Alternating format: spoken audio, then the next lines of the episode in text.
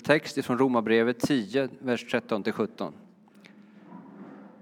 Var och en som åkallar Herrens namn ska bli räddad. Men hur ska de kunna åkalla den som de inte har kommit till tro på? Hur ska de kunna tro på den som de inte har hört? Hur ska de kunna höra utan att någon förkunnar? Hur kan någon förkunna utan att vara utsänd?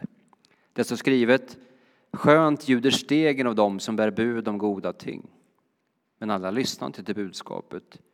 Ty Jesaja säger Herre, vem satte tro till det vi förkunnade? Så bygger tron på förkunnelsen och förkunnelsen på Kristi ord. Så lyder Herrens ord. Gud, vi tackar dig. Så får vi stå upp och lyssna till dagens heliga evangelium. Jag läser ur Johannes evangeliet kapitel 7. Några i hopen som hörde Jesus, Jesu ord sade han måste vara profeten. Och några sade han är Messias. Men andra sade inte kommer väl Messias från Galileen. Säger inte skriften att Messias ska vara av Davids sätt och komma från Betlehem, byn där David bodde? Så blev hopen oenig om honom. Några ville gripa honom, men ingen lyfte sin hand mot honom. När deras folk kom tillbaka frågade översteprästen och fariseerna varför har ni inte tagit hit honom? De svarade aldrig har någon människa talat som han. Då sade fariseerna till dem har ni också blivit vilseledda? Finns det någon i rådet eller bland fariseerna som tror på honom? Men den stora hopen som inte kan lagen, den är förtappad. Nikodemus, som själv satt i rådet och som tidigare hade sökt upp Jesus, sade inte dömer väl, dömer väl vår lag någon utan att först ha hört honom och tagit reda på vad han gör. Det svarade, är kanske du också från Galileen? Se efter i skriften ska du finna att ingen profet kommer från Galileen. Så lyder det heliga evangeliet. Lovad vare du, Kristus.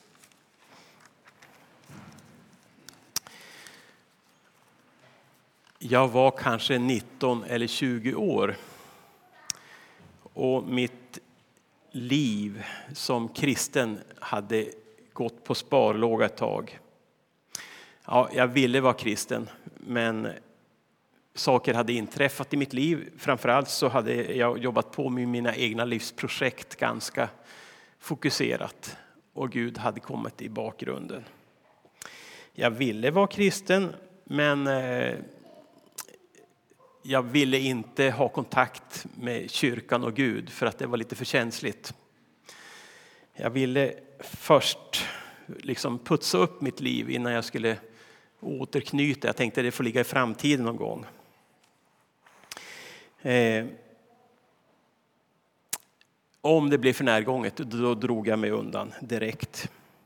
Några av mina vänner, eh, kristna vänner, de kom hem till mig och ville få med mig på en gudstjänst. Och jag argumenterade mot det och tyckte att jag, det var ingenting för mig och jag hade inte tid. Och, eh, ja, men de var lite envisa och stod på sig. Och det slutade med att jag åkte med dem till den här gudstjänsten. Och det som var avgörande att jag vågade åka med, det var när jag hörde vem som skulle predika. Det var nämligen en eh, man som aldrig hade sagt något som hade träffat mig någonsin. Och det tyckte jag kändes tryggt. Eh, ja, vi kom dit, vi hamnade, och det var till min förmåning var det, var det väldigt många i kyrkan där i bönhuset, så jag hamnade längst bak. Eh, och ingenting hände under den här gudstjänsten. Jag satt och tillbringade tid med att, att eh, leka en statistiklek där jag körde in fingret i, i eh, sångboken och kollade vilken textförfattare det var till sången och först till tio vann. Och jag hann en hel massa omgångar där. Eh, Inget hände i gudstjänsten som talade till mig, men precis på slutet av gudstjänsten så trillade en lapp ut ur den här lilla boken, som jag, sångboken som jag höll på och slog i. Jag återkommer till det lite grann senare i den här predikan, vad som hände sen. Men jag tänker mig att det kanske är fler än jag som någon gång har drabbats av det här med att tron har blivit bortprioriterad eller nedprioriterad. Man kanske inte känner någon tro. Eller allting känns så där avlägset och främmande helt plötsligt. Eller att man upptäckt att eh, ens liv eh, är så där eh, frostade rutor som Magnus pratade om. Att det, det, det, det är mycket i ens liv som inte riktigt stämmer överens med vad man tänker att kristen tro skulle stå för och innebära. Så drar man sig undan och håller sig lite på avstånd så där för att man vill Ja, man vill egentligen, någonstans vill man tillhöra men någonstans så vill man dra sig undan för att fixa det först. Och hoppas någonstans att kristna tron där ska bli levande igen. Jag tänker i den här predikan mest kretsa kring episteltexten. Det vi läste Romarbrevet tidigare. För just i den, det avsnittet så håller Paulus på att diskutera lite grann saker som tangerar det här i alla fall. Hur kommer man att kunna tro? Hur kan ens tro vara levande?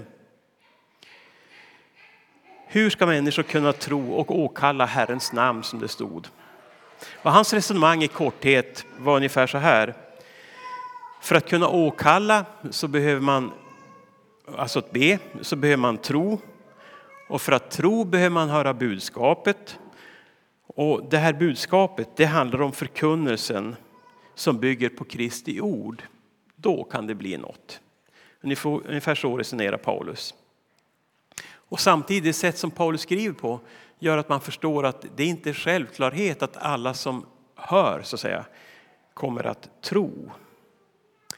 Man kan liksom höra budskapet utan att lyssna.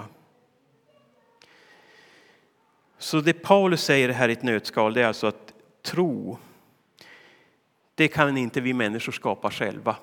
Däremot kan vi stå emot tro i alldeles egen kraft. Nej, tro kan vi inte skapa själva. Det är bara Guds ord som kan skapa tro. Och det kan ske när Guds ord landar i oss. Hur ska man tro? Kunna tro? Ja, just det här att Guds ord behöver få landa. Eh, ett läger en gång i tiden när jag jobbade som ungdomspastor. Där var det en som hade med sig en kompis som inte alls hade varit med i kyrkliga kristna sammanhang överhuvudtaget.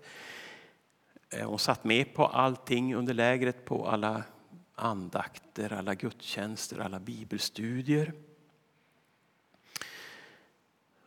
Och sen under andra halvan av lägret då började hon vara med och be och bekänna sig som kristen. Och jag frågade henne, hur gick det där till? Och då sa hon, jag upptäckte att jag trodde. Och då sa jag ja.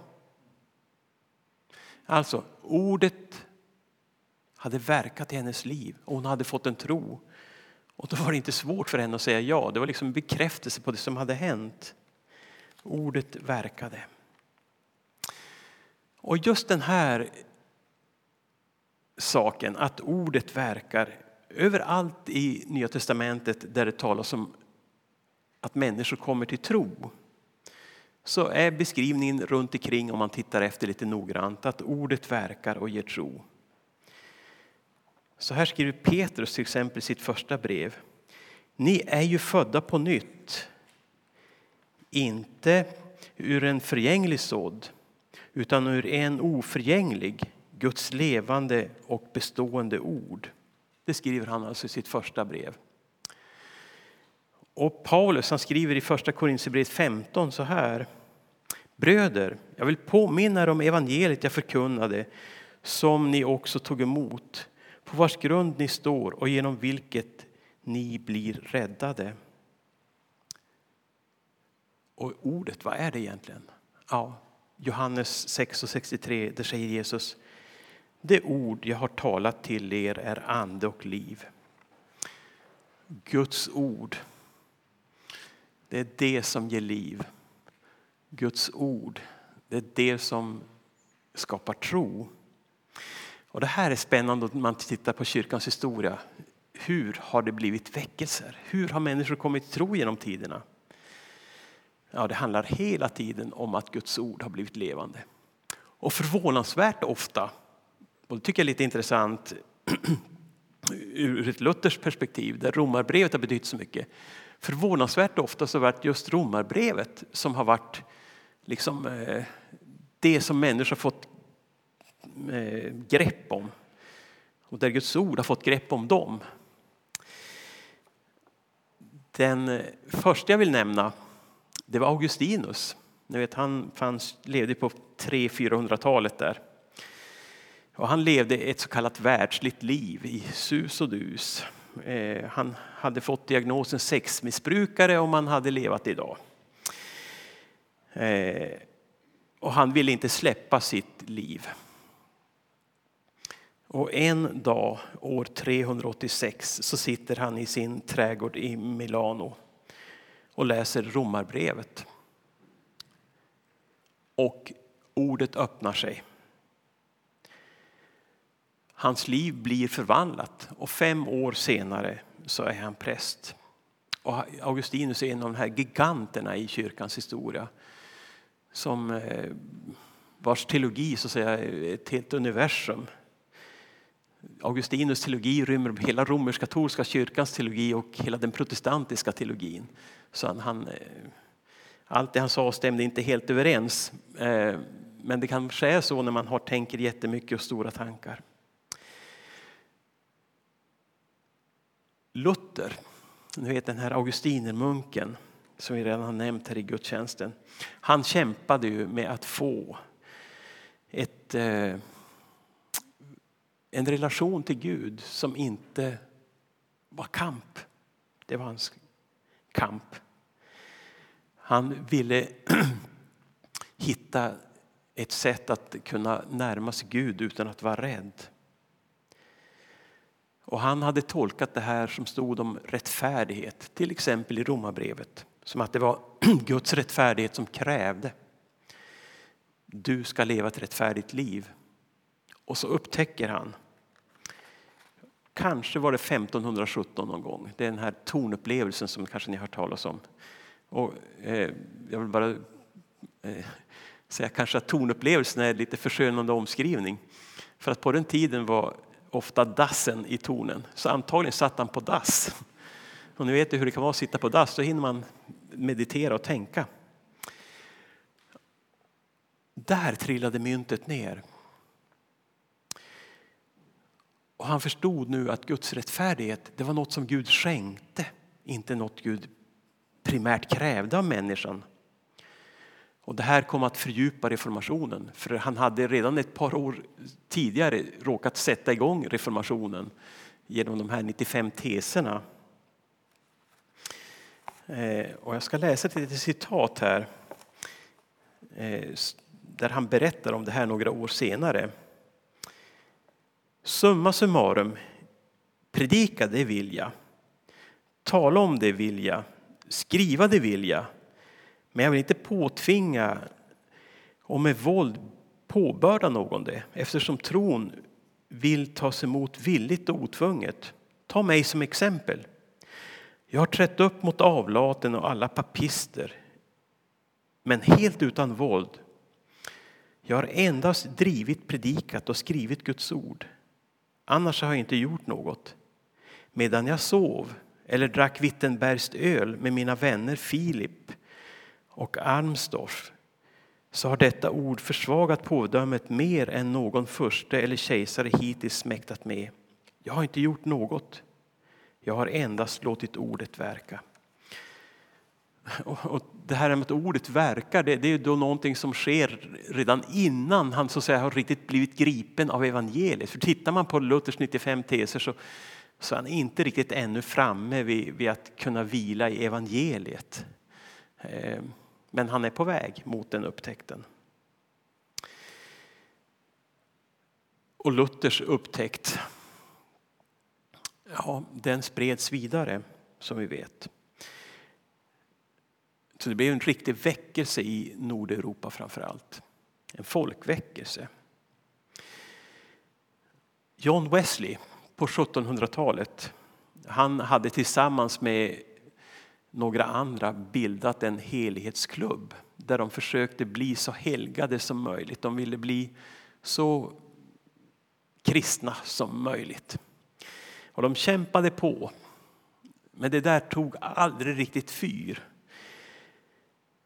Och så sitter han då det här året, 1738, hos ett gäng herrnhutare.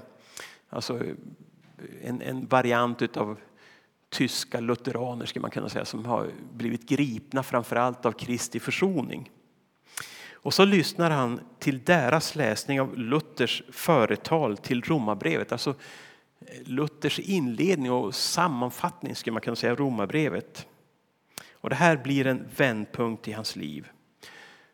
Och så blir han en av de Eh, ledarna i den här jättelika väckelsen, metodistiska väckelsen som gick fram världen över. En av de största väckelserna i historien hittills faktiskt. Och han skriver så här i sin dagbok, denne John Wesley. Jag läste, eh, förlåt, jag, jag kände mitt hjärta på ett förunderligt sätt värmas jag kände att jag förlitade mig på Kristus och på honom alena när det gällde min frälsning. Och den här djupvilan som Wesley fick, den spred sig. Och evangeliet om Kristus spreds genom den metodistiska väckelsen.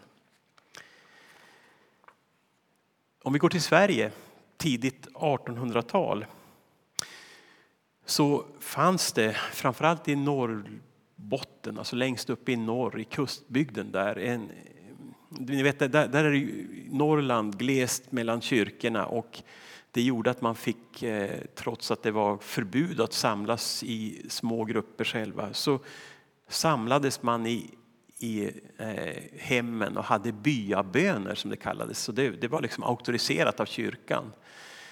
Eh, och då läste man ur postillor, alltså predikosamlingar, och man läste gamla postillor av eh, olika typer av pietistisk, lutherska pietistiska predikanter där det väldigt mycket handlade om livsstil. Och det är inte fel att tala om det, men grejen var att, att det där tycktes skymma någonting ändå. Att det blev sånt fokus vid livsstilen. Och så kom några över ett antal postillor av Luther, alltså predikningar som Luther hade hållit eller skrivit. Och man börjar läsa dem. Och det gör att det blir en eh, förändring, en förvandling här i, i väckelsen. Och det blir en väckelse faktiskt utav det. Man kallar den för nyläseriet. Och människors liv blev förvandlade. Varför? Ja, man hade ju fått budskap om hur man skulle leva men man hade inte drivkraften att leva det livet. Nu kom bränslet. Evangelium. Och det här nyläseriet det grep kring sig. Och en av predikanterna i det här nyläseriet det var en, en piga eh, som predikade, för det brann i henne så att hon predikade fast eh, kvinnor inte skulle predika. Hon, hon brukar samla folk på kyrkbacken utanför kyrkorna och predika. Maja-Lisa Söderlund. Och Rosenius, Karl-Olof Rosenius som sen skulle bli en av ledarna i den här väckelsen när den spred sig ytterligare några årtionden senare.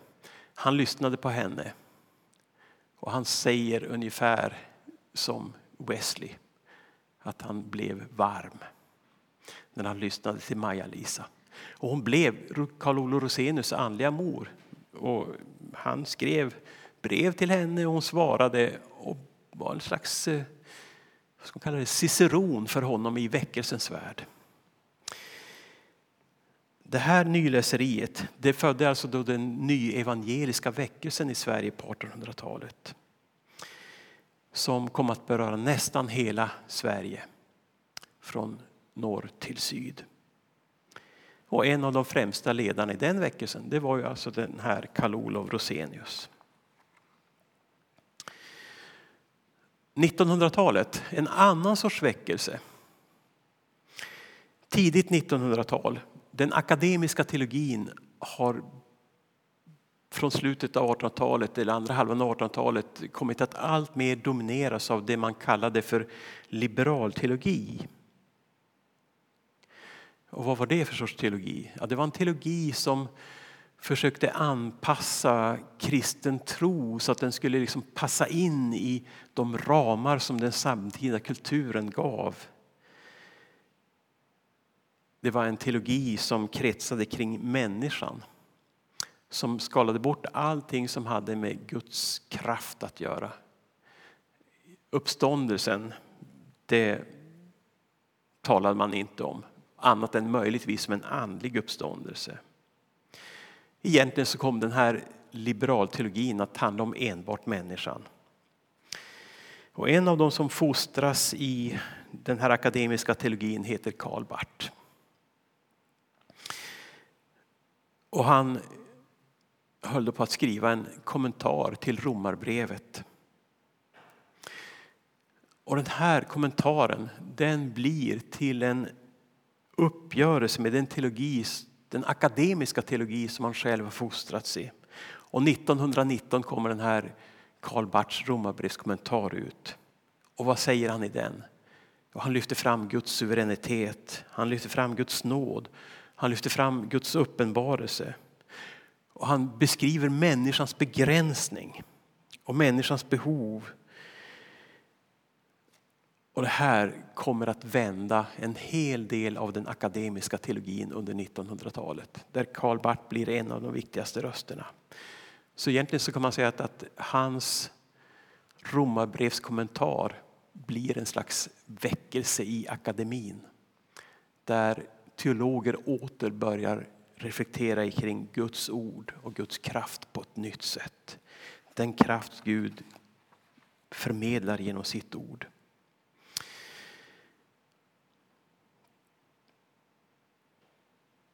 Om vi inte har klart för oss eh, att Guds ord verkar och hur Guds ord verkar genom budskapet om evangeliet. Då kan det här med kristen tro så lätt bli en ansträngningsreligion. Kämpa att duga religion. Så var det för mig när jag var 19-20 där. Och vad blir det då av det hela? Jo, då blir det en jämföra sig med andra religioner av kristen tro. Och då blir det en sån här religion, om jag misslyckas så är det kört för mig religion. Och synden, den är ju alltid ett nederlag, men då blir det det totala nederlaget som det inte finns någon räddning från. Så var det alltså för mig. Och när mina kompisar kom där och tog med mig till det här mötet eh, där jag vågade gå bara för att det var en sån urbota träaktig predikant. Eh, ja, som jag berättade, det trillade ut en liten lapp. En liten orange lapp trillade ut ur den här sångboken där jag hade lekt min statistiklek för att få tiden att gå. Och det fanns en bibelhänvisning på den här lappen. Jag tog med den hem. För jag blev lite nyfiken, undrar vad det är för bibelord som trillat ut här. Och jag läste det. Det var en hänvisning till Apostlagärningarna 13, 38-39. Och där står det så här. Ni ska alltså veta, mina bröder, att genom honom, alltså genom Jesus, förkunnas syndernas förlåtelse för er. Och genom honom blir var och en rättfärdig och friad från allt det som ni inte kunde frias från medan ni stod under Mose lag. Och när jag läste det här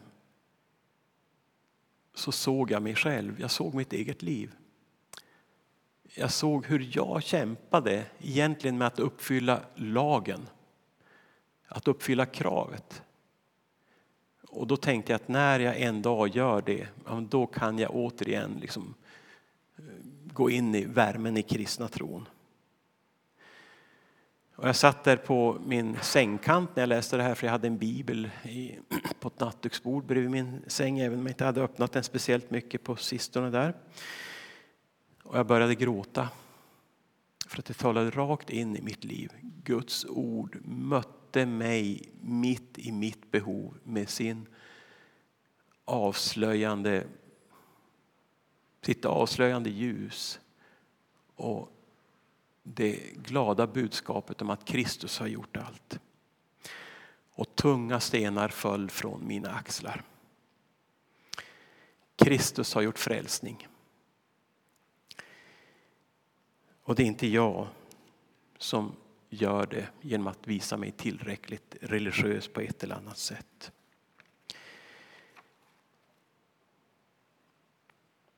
Och den här typen av problematik som jag brottades då med, den här brottas med senare i livet också. För det är så väldigt lätt att halka in i den här duga-religionen.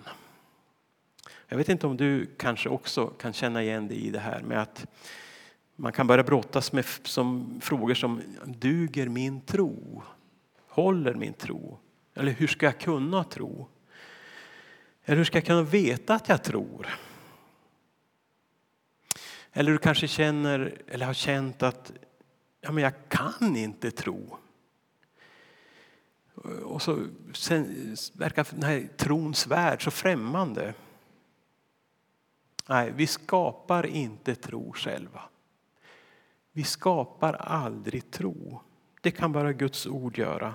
Det levande ordet som också är en rubrik för den här söndagen. Det ordet innerst inne handlar om, det är vad Kristus har gjort för oss. Han har burit synd, brustenhet. Han har burit allt det som skiljer oss från Gud. Allt det här som i långa loppet leder till död, andlig död. Allt det har han burit upp på ett kors. Och han uppstod för att skänka dig och mig liv. Och budskapet om Jesus Kristus skänker liv för den som lyssnar och tar emot. Som inte så att säga, sätter bommen för. Jesus Kristus är det levande ordet. Han är, han är här nu. Han är här hos oss just nu. Och han vill skänka liv än en gång till var och en av oss genom ordet. Genom gåvorna på bordet som vi också ska få ta del av. Och det här betyder att vi är kallade och vi får leva nådemedelskristendom. Så istället för att se på vad vi själva klarar av får vi se på vad Kristus har gjort. Istället för att fundera på hur stark är min tro så får jag se på honom som skapar tro. Och vi får också då inse att synd kan förlåtas istället för att vara slutpunkten. Det här det födde reformationen. Och det har fått väckelse på väckelse genom kyrkans historia. Och det finns för dig och mig Guds levande ord. Låt oss be.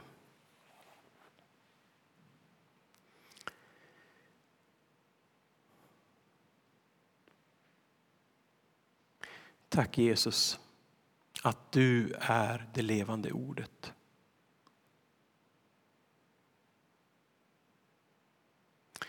Hjälp oss att leva av det du ger. Herre, du ser att vi behöver liv, det liv som bara du kan ge.